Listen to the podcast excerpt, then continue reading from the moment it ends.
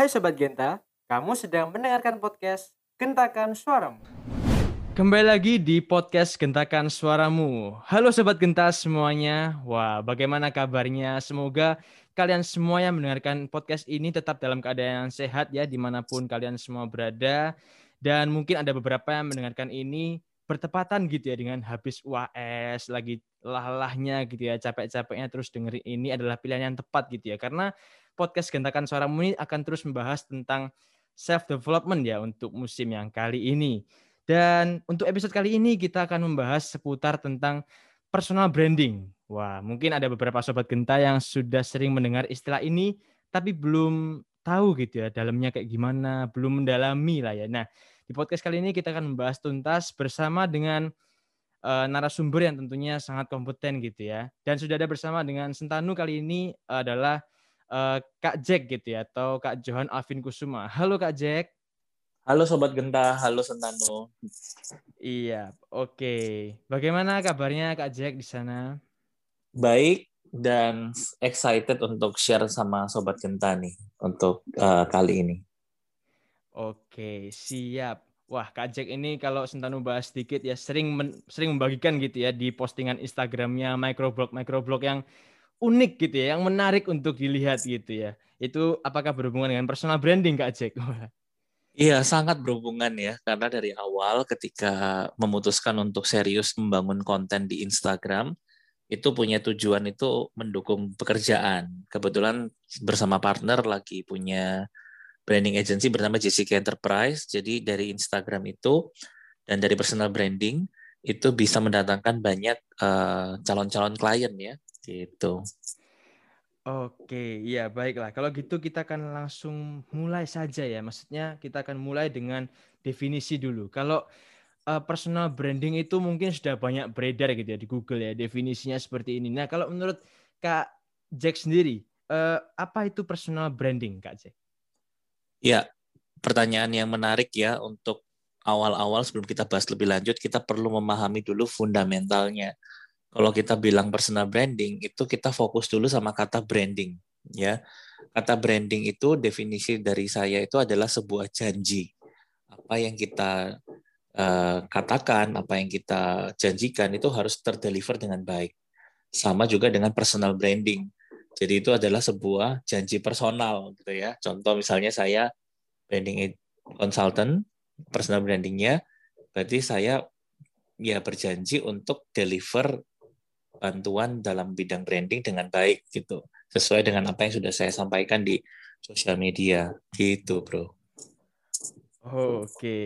itu personal branding definisinya menurut Kak Jack. Jadi personal branding itu sangat penting ya, apalagi di era-era seperti ini, era digital seperti ini ya Kak Jack. Atau bagaimana? Dan goalnya itu apa sih dari personal branding itu? Betul. Jadi apalagi sekarang ya, sangat penting banget banyak artikel-artikel dari media-media kelas dunia seperti Forbes gitu. Mereka bilang bahwa saat ini adalah saat di mana CEO CEO atau pemilik bisnis itu melakukan personal branding. Lalu di majalah-majalah lokal juga mengatakan bahwa justru saat ini tuh saat yang paling dibutuhkan personal branding. Jadi nggak cuma aku aja ya yang ngomong, tapi ada media-media yang memang uh, mempublish fakta itu. Nah, kalau ngomong tentang pentingnya personal branding dalam pekerjaan itu memang sangat penting ya. Apalagi di masa sekarang ini kan kita itu kan dibatasi untuk pertemuan offline jadi kita kehilangan moment of truth. Kalau pertemuan offline itu kan kadang-kadang adalah moment of truth ya, di mana oh dulunya yeah. cuma ngobrol sama by phone atau ngobrol cuman by uh, digital, tapi ketemu orangnya eh ternyata orangnya kayak gini, nggak sama ya seperti yang di foto atau di sosial media. Nah itu moment of truth. Nah sekarang ini kan kita nggak ada, kita dibatasi untuk pertemuan offline. Nah makanya itu personal branding di dalam dunia digital itu penting banget itu kayak moment of truth-nya gitu. Di mana kita tuh bisa menunjukkan kompetensi kita, menunjukkan kepribadian kita, sehingga orang-orang bisa mengenal kita dan kemudian timbul trust gitu. Iya, oke, menarik sekali yang disampaikan Kak Jack ya. Oke, uh, selanjutnya kita akan masuk ke ya personal branding ini lalu bagaimana untuk membangunnya dari awal gitu. Kalau benar-benar misalnya seorang Sentanu ini mau punya personal branding yang baik itu langkah awalnya itu mulai dari mana Kak Cek? Ya, Yang pertama sadar dulu karena secara nggak langsung kita ini sebenarnya udah melakukan personal branding ya. Jadi personal branding ini kan apa yang menjadi cerminan dari diri kita yang ditangkap oleh orang lain gitu kan. Jadi mungkin aku bisa menjabarkan seperti ini. Di dalam teori branding itu ada istilah brand identity dan brand image. Brand identity itu apa yang kita tampilkan. Brand image itu apa yang ditangkap oleh audiens. Nah, kadang-kadang apa yang kita tampilkan dan apa yang ditangkap itu kan bisa beda ya, ada miskom atau salah paham. Karena mungkin kita menampilkannya dengan tidak rapi atau tidak jelas gitu ya. Nah, personal branding itu adalah sebenarnya cara untuk kita menampilkan brand identity kita dengan jelas, dengan baik sehingga orang-orang atau audiens itu melihat dan menangkap pesan yang tepat. Jadi ada sebuah irisan antara brand identity dan brand image. Nah, itulah personal branding. Nah, kalau kita tidak melakukan personal branding dengan tepat, ya akhirnya salah paham terus kita maksudnya apa, mereka nangkepnya apa gitu. Jadi pertama sadar dulu, oh aku ini sudah punya sebuah personal brand sebenarnya. Nah, setelah berikutnya setelah sadar, pastinya mempelajari dan mengkurasi apa-apa aja yang kita, uh, kita mau tampilkan. Terus gaya komunikasi yang kita tampilkan itu juga seperti apa. Nah, kira-kira seperti itu tahap-tahapannya, menyadari dan kemudian berusaha untuk menyampaikan dengan kurasi personal branding. Oke, oke. Iya, Kak Jack. Oke, berarti kalau Sentanu bisa simpulkan sampai di sini itu berarti personal branding adalah ini ya, tahapan yang kompleks gitu ya. Jadi dimulainya dengan kita sadar dulu kalau kita semua ini punya yang namanya personal branding itu tergantung bagaimana cara kita mendevelop itu gitu Kak Jack. Ya. Yeah. Uh, berikutnya tentang uh, media apa sih yang bisa kita gunakan gitu ya khususnya di zaman-zaman sekarang ini Kak Jack mungkin bisa sebut uh, merek gitu ya media apa yang lagi gencar-gencarnya buat kita tuh melakukan social branding yang tepat gitu Kak Jack. Oke, sebelum nanti kita ke media online itu yang akan kita sebut ya. Eh, media itu juga bisa berupa perantara ya. Jadi personal branding itu bisa juga ditangkap oleh orang dari apa yang menjadi ciri khas kita. Bagaimana kita berbicara, bagaimana kita berpakaian, ya kan? Apa yang menjadi karya kita itu adalah media-media atau uh, penghubung ya antara identiti kita dan image yang ditangkap oleh audiens. Nah, lalu kita elevate ke dalam sebuah support system atau platform digital. Nah, so far untuk platform digital aku masih menganggap Instagram itu adalah media personal branding yang paling efektif. Yang lainnya juga oke, okay, cuman Instagram sementara ini tetap jadi mandatori gitu ya. Jadi misalnya sekarang kan ada orang main TikTok atau pakai Facebook atau jadi YouTube itu memang sudah punya universe sendiri-sendiri gitu setiap platform itu. Cuman kalau kita perhatikan ya, semua YouTuber, semua TikTokers itu balik-baliknya juga mereka upload di Instagram dan mereka tulis di bio mereka punya berapa follower di TikTok, mereka punya berapa subscriber di YouTube gitu. Jadi tetap aja Instagram ini jadi penghubung lah antar semua platform untuk kita melakukan personal branding. Oke Kak Jack. Yang menarik tadi yang selalu dengar ya, itu media itu nggak selalu tentang ya dunia digital sekarang ya, e, meskipun dengan perkembangannya yang begitu pesat, tapi melalui karya, melalui diri kita sendiri itu sebenarnya juga media gitu ya untuk menyampaikan gimana itu personal branding pribadi kita sendiri gitu. Betul Oke. betul. Ya selanjutnya, um, ya banyak orang yang mungkin uh, mengira gitu ya, oh orang extrovert itu lebih banyak bisa membangun personal branding itu kayak uh, bisa public speaking, bisa ngobrol sana sini. Nah, kalau menurut Kak Jack bisa nggak sih seorang yang ya diem, pemalu, yang introvert gitu membangun personal branding gitu? Ya, bagaimana Kak Jack? Ya, ini pertanyaan bagus banget dan sering juga uh, menjadi apa ya kegundahan orang-orang introvert apakah aku juga bisa melakukan personal branding? Karena aku kan nggak jago ngomong, aku nggak seperti dia yang orangnya itu percaya diri dan lain segala macam ya. Nah, jawabannya adalah bisa. Extrovert maupun introvert itu bisa melakukan personal branding. Karena personal branding ini kan punya banyak cara, punya banyak metode juga. Contoh misalnya orang extrovert, dia pekerjaannya di dunia hiburan. dia MC, aktor atau penyanyi, ketika dia melakukan personal branding, ya dia melakukan dengan caranya dia, memanfaatkan kekuatan dari ekstrovert itu kan. Jadi dia muncul di depan layar, dia bisa melakukan vlog, dia uh, public speakingnya bagus dan ya memanfaatkan apa yang menjadi kelebihannya dia. Nah, bagaimana dengan orang introvert? Orang introvert itu biasanya orangnya lebih pemikir, orangnya lebih uh, punya kepintaran ya, punya wawasan.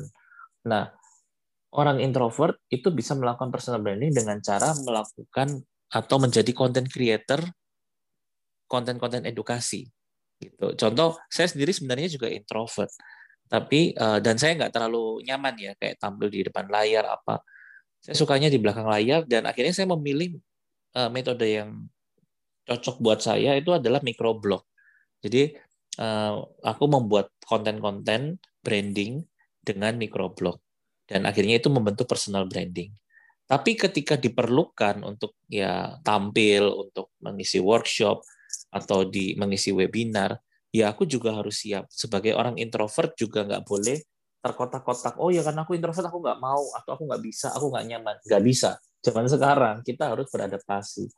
Karena uh, kita bisa pelajari public speaking itu seperti apa sih dan dengan jam terbang kita juga nggak grogi dan lama-lama juga bisa terbiasa jadi uh, ada kebutuhan juga entah dia ekstrovert atau introvert harus bisa beradaptasi dengan kondisi Baik Kak Jack. Ya, itu ya Sobat Genta ya, khususnya uh, Sobat Genta yang mungkin mendengarkan ini di kamar, lagi um, tenang gitu kan, dan merasa dirinya itu introvert. Nah ini uh, suatu insight baru gitu ya, bahwa orang introvert itu ternyata bisa juga kok membangun personal branding. Semua orang, semua kita tuh bisa kok membangun personal ya. branding. Ya. Bener gak Kak Jack?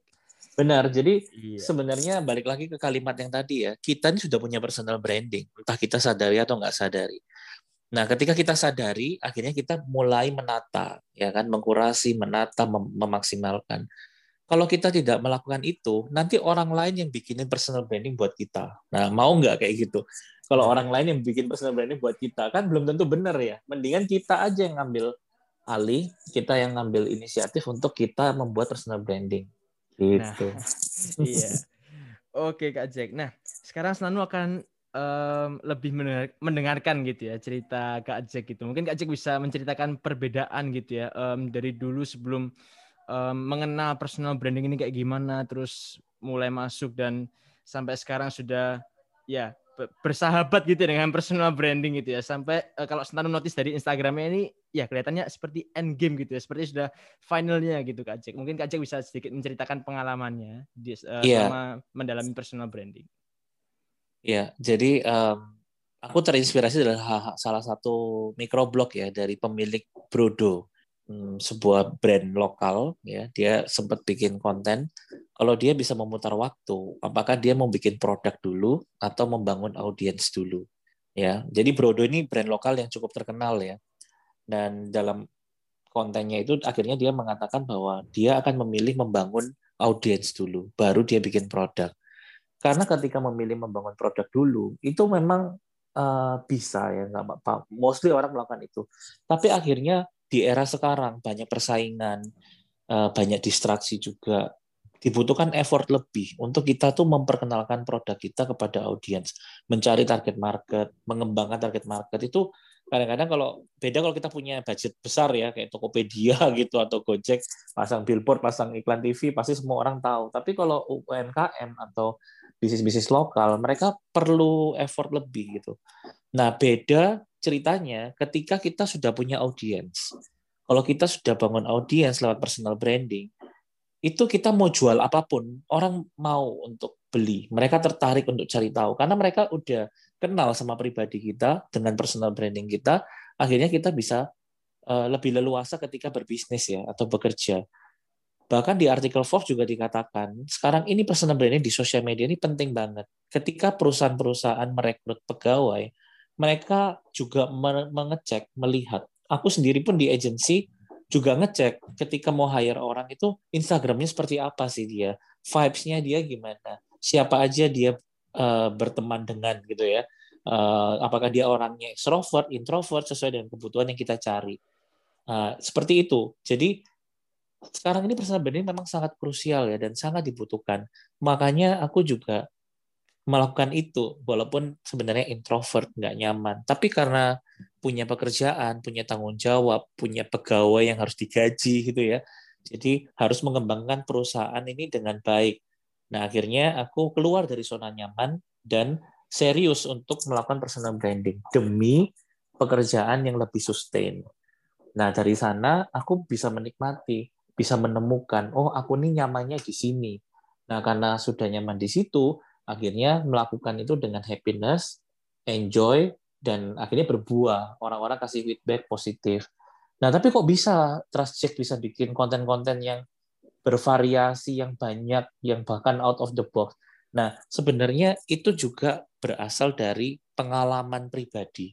Jadi kebetulan eh, aku sudah di dunia kreatif ini hampir 15 tahun. Dan dulu waktu zaman-zaman sosial media belum se-booming sekarang, itu aku nggak punya audiens, tapi pengalamannya udah banyak. Nah, ketika sekarang ini punya audiens, aku tinggal recall aja, tinggal lihat aja eh, pengalaman-pengalaman masa lalu, lalu dimasukkan dalam konten, dalam storytelling, dengan kemasan emotional branding, kayak gitu-gitu. Dan it works, orang-orang bisa mendapatkan manfaat, mereka memberikan feedback-feedback yang positif. Kurang lebih seperti itu, bro. Oke, siap Kak Jack. Nah, um, selanjutnya ini menarik ya. Sentanu akan uh, bertanya uh, tentang perbedaan gitu Kak Jack. Mungkin orang-orang, mungkin sobat genta ya yang mendengarkan ini ya, sering mengira kalau membangun personal branding itu sulit karena sering dibilang wah itu pencitraan tuh di situ kelihatannya biar baik aja tuh biar biar kelihatannya uh, dapat promosi dapat uh, pokoknya biar kelihatan baik gitulah Kak Jack. Nah mungkin Kak Jack bisa sedikit menjelaskan tentang bedanya apa sih membangun personal branding biar nggak dikira pencitraan tuh kayak gimana sih? Mungkin konsepnya ya. berbedanya di mana sih Kak Jack? Nah. Ya, sebenarnya ketika menjawab pertanyaan ini kita harus memahami konsep dari pencitraan ya. Pencitraan ini sebenarnya kata yang netral, tidak positif, tidak negatif. Tapi jadi negatif karena memang di dunia politik kita itu kata pencitraan itu konotasinya itu negatif gitu kan. Padahal personal branding dan pencitraan itu ya ya mirip, ya personal branding itu ya pencitraan gitu. Nah, beberapa waktu yang lalu kita sempat kolaborasi dengan Ernest Prakasa untuk membuat webinar personal branding. Dan saya mau kutip salah satu dari yang dia bagikan. Dia bilang bahwa personal branding itu kita tuh kurasi.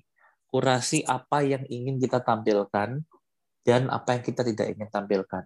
Dan itu bukan pencitraan. Karena gini, ketika kita punya tujuan, kita menampilkan dengan uh, apa yang kita tampilkan ya, kita pilih gitu ya.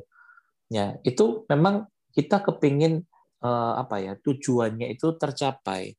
Tujuannya itu akan tercapai ketika di dunia offline atau moment of truth ya, ketika ketemu itu sinkron. Contoh misalnya, tiba-tiba uh, ada sebuah tokoh dia itu melakukan personal branding dengan banyak memberikan bantuan sosial ya kan? Terus orang lihat timingnya, wah ini mau pilkada nih atau mau pemilu gitu ya. Terus orang bilang itu pencitraan. Nah, ketika orang itu tidak mengetahui bahwa ternyata sebelum pemilu dan sebelum pilkada, tokoh ini memang sering melakukan aksi sosial. Jadi kan moment of truth-nya kan ada. Dia nggak cuman melakukan ketika momen-momen tertentu, tapi memang itu jadi kebiasaannya dia. Nah, akhirnya orang bisa memahami, oh ternyata dia bukan pencitraan yang negatif ya. Karena dia memang ya aslinya seperti itu. Sama dengan kita. Kita misalnya sering posting di sosial media terkait topik tertentu. Tapi ternyata di dunia nyata orang-orang terdekat kita tidak melihat hal itu. Nah akhirnya mereka mulai bilang loh kok nggak sama apa yang kamu beritakan di sosial media di dunia online dengan dunia offline? Makanya kita juga punya tanggung jawab ketika melakukan personal branding itu kita harus memastikan apa yang kita bagikan itu memang kita juga lakukan. Hmm, biasanya istilahnya tuh walk the talk gitu ya. Jadi kita melakukan apa yang kita bicarakan atau apa yang kita bicarakan memang kita juga lakukan. Nah, itu yang sisi positifnya ya. Kalau kita bisa memahami itu, orang lain di sekitar kita juga bisa memahami. Oh, oke, okay, memang benar kok. Orang ini aku kenal, memang orangnya seperti itu, seperti yang dia sering bagikan di sosial media. Nah, ini ada sisi negatifnya. Sisi negatifnya adalah ketika orang-orang terdekat kita itu justru jadi penghambat. Penghambat dari kemajuan kita. Gini, biasanya ya yang memberikan kritikan itu adalah circle-circle terdekat. Uh, bisa orang tua, bisa sahabat. Ngapain sih kamu kok sok banget kayak gitu kayak gini. Nah, pendapat-pendapat dari orang-orang terdekat itu kadang-kadang tuh bisa menjadi hal yang subjektif. Karena mereka nggak nyaman aja dan nggak biasa. Dan mereka belum memahami. Nah, kalau kita nggak kuat mental, biasanya kita langsung down. Iya nih, aku memang nggak cocok. Buktinya papa mamaku ngomong gini, sahabatku ngomong gini, saudaraku ngomong gini. Nah, kita lupa bahwa sebenarnya ketika kita melakukan personal branding, audiens kita tuh banyak banget. Data terakhir ya di Indonesia itu pengguna sosial media tuh sudah 60 sampai 70 persen dari jumlah populasi Indonesia loh. Kita 270 juta jiwa. Pengguna internet itu 150 juta ke atas. Yang pakai Instagram itu bahkan juga mendekati 100 juta. Nah, kadang-kadang kita lupa bahwa kita punya audiens yang luas. Mungkin orang-orang terdekat kita itu tidak memahami. Dan kita sebenarnya bikin personal branding bukan juga untuk mereka ya, tapi untuk impact yang lebih gede. Nah, jadi pesannya, teman-teman, pertama, perlu sinkron, supaya nggak dibilang pencitraan yang negatif. Apa yang ditampilkan itu sama dengan apa yang dilakukan. Yang kedua adalah kita perlu memfilter masukan-masukan dari orang-orang terdekat. Kalau masukannya mereka itu tidak membangun, malah cenderung menjatuhkan atau membuat kita down, abaikan aja. Kita kalau punya tujuan yang lebih uh, jelas, kita ingat bahwa apa yang mereka anggap biasa itu jadi luar biasa buat orang-orang yang di luaran sana. Itu aku alami sih. Jadi ketika aku mulai memahami, oh iya ternyata Indonesia ini gede banget ya, apalagi secara digital, dan mereka lebih butuh apa yang aku anggap biasa-biasa aja, itu malah diapresiasi sama orang-orang di luaran sana. Mereka butuh, mereka say thank you, mereka bahkan cerita bagaimana mereka hidupnya berubah ketika membaca kontenku, ketika mereka uh, sempat kayak mentoring kayak gitu. Jadi itu yang membuat uh, kita lebih bersemangat ya melakukan personal branding ketika kita menyadari ada banyak orang-orang yang membutuhkan kita. Seperti itu, Bro. Oke, ya. Mantap. Ini dari tadi Sentanu senyum-senyum sendiri gitu ya. Saking amazed sama jawaban Kak Jack. Setiap setiap pertanyaan yang Sentanu sampaikan gitu ya. Kak Jack itu jawabannya, aduh, bikin selalu kagum sekali gitu ya. Nah, thank you, thank you. sekarang kita sampai di mungkin pertanyaan terakhir-terakhir gitu ya Kak Jack ya. Nah, yeah. berkaitan dengan pencitraan tadi, bagaimana sih kita sebagai orang yang akan memulai personal branding ini akan membangun personal branding ini bisa mempertahankan karakter tadi gitu ya. Maksudnya eh, bisa konsisten dalam membangun personal branding yang baik gitu. Karena kan ada kadang kita membangunnya ke arah sini tapi tiba-tiba meleot gini, uh, belok gini, personal brandingnya jadinya nggak menentu gitu, nggak konsisten. Gimana caranya biar agar kita tuh konsisten gitu dalam membangun personal branding, Kak Jack? Ya, ada satu kalimat sakti ya, Sobat Genta, yang mungkin bisa dicatat dan di, di ini praktekkan. Jadi kalimat saktinya seperti ini. Aku siapa, membantu siapa, dalam hal apa, untuk mencapai apa. Nah, silakan siapa dan apanya itu diisi aja ya. Jadi misalnya aku ya, aku branding consultant, membantu pemilik bisnis dalam hal membangun branding supaya brandingnya bisa sustainable. Nah itu contoh ya kalau dalam profesiku. Nah coba teman-teman sobat genta cari tahu kira-kira apa yang menjadi value atau kelebihan teman-teman yang kira-kira bisa memberikan impact atau dampak buat orang-orang. Nah terus bikinlah satu kalimat itu dan kalimat itu jadikan sebuah fondasi, sebuah tujuan untuk melakukan personal branding. Personal branding is not about us, tapi it's it's all about uh, society yang akan dapat value dari kita. Itu yang pertama ya. Yang kedua adalah teman-teman bisa dokumentasikan sebanyak mungkin proses pembelajaran teman-teman. Nah, terkait dengan pertanyaan sebelumnya, kamu loh belum apa-apa kok ngomong kayak orang udah pinter, kok sok-sokan banget. Padahal kan kamu kan nggak jago-jago amat. Nah, itu kan sering ya kita dengar. Nah, memang kita justru belum jago, makanya kita sharing pembelajaran kita. Jadi ketika kita sharing di sosial media, bikin konten, microblog atau apa pun ya, itu kita memang bukan sharing hasil jadinya. Kayak, oh aku udah bisa A, B, C, D. Bukan, tapi aku sedang belajar bidang A, B, C, D. Dan aku mau sharing proses belajarku. Nah, di sosial media juga sangat mementingkan engagement. Terus kita di kalimat terakhirnya kita bilang, kira-kira apalagi ya guys yang perlu aku perlu tahu dari kalian. Nah akhirnya komennya jadi ramai. Oh gini loh, ini ada ini ada ini. Jadi kita nggak satu arah, kita nggak seolah-olah yang paling ngerti kita sharing, terus kita berusaha mereka membuat mereka tuh mendengar aja. Tapi kita sharing aja. Oh aku ini lagi belajar ini loh, yang aku pelajari ini ini. Terus aku sempat gagal loh di sini. Nah ketika kita sharing kegagalan, itu orang juga lebih respect mereka akan merasa lebih wah ini orang ini humble gitu ya. Nah, terus terakhir kita tutup dengan kita minta pendapat mereka. Gimana guys menurut kalian? Kira-kira apa lagi yang kurang dari aku? Atau apa lagi yang perlu kita bahas supaya lebih lebih detail, lebih mantap. Nah, akhirnya komen-komennya bisa dirame. Jadi jadi otentik gitu loh. Jadi kayak kita ngobrol sama teman-teman, tapi kita kemas dengan cara-cara yang menarik di sosial media sehingga mereka tuh ada kedekatan sama kita. Jadi jangan berpikir kita tampil sempurna ya dalam melakukan personal branding. Ketika kita tampil sempurna, kita tuh akan menciptakan sebuah gap dengan para uh, audiens kita. Makanya kenapa kalau kita lihat akun-akunnya artis-artis ya, selain mereka memang mengagumi artis itu, banyak juga kok iklan-iklan gitu kan di dalam komen-komennya. Jadi kadang-kadang rame itu belum tentu engagement gitu ya. Mereka nggak engage atau mereka bahkan audiensnya kita itu kadang merasa inferior. Orang itu kok hidupnya enak banget sih, kok pinter banget, kok nggak kayak aku gitu kan. Aku kok masih struggle. Nah itu membuat mereka tuh bukannya bangga, tapi malah iri, malah sirik kayak gitu ya. Nah jadi kita tampilkan diri kita tuh seotentik mungkin, down to earth gitu ya, bahwa kita nih ya sama-sama berproses gitu. Dan itu mereka lebih appreciate. Oke, baik Kak Jack. Wah, sangat uh, menginspirasi gitu Kak Jack dan semoga sobat Genta yang mendengarkan ini juga bisa memulai gitu ya juga bisa tergugah dan akan uh, bergerak gitu ya membangun personal branding mereka masing-masing. Oke, kalau begitu terima kasih sekali lagi buat waktunya bersama Kak Jack hari ini dari JCK Enterprise atau bagaimana namanya? Iya, betul betul. Thank you. Sudah okay. mengucapkan dengan benar ya. Biasanya orang-orang tuh mesti ada aja yang keliru tapi Keren bro, kamu mengucapkan semuanya dengan tepat dan benar. Thank you so much. Thank you Sobat Genta. Oke, sampai jumpa di lain kesempatan Sobat Genta dan silakan memulai personal branding kalian masing-masing. Terima kasih Sobat Genta sudah mendengarkan podcast ini.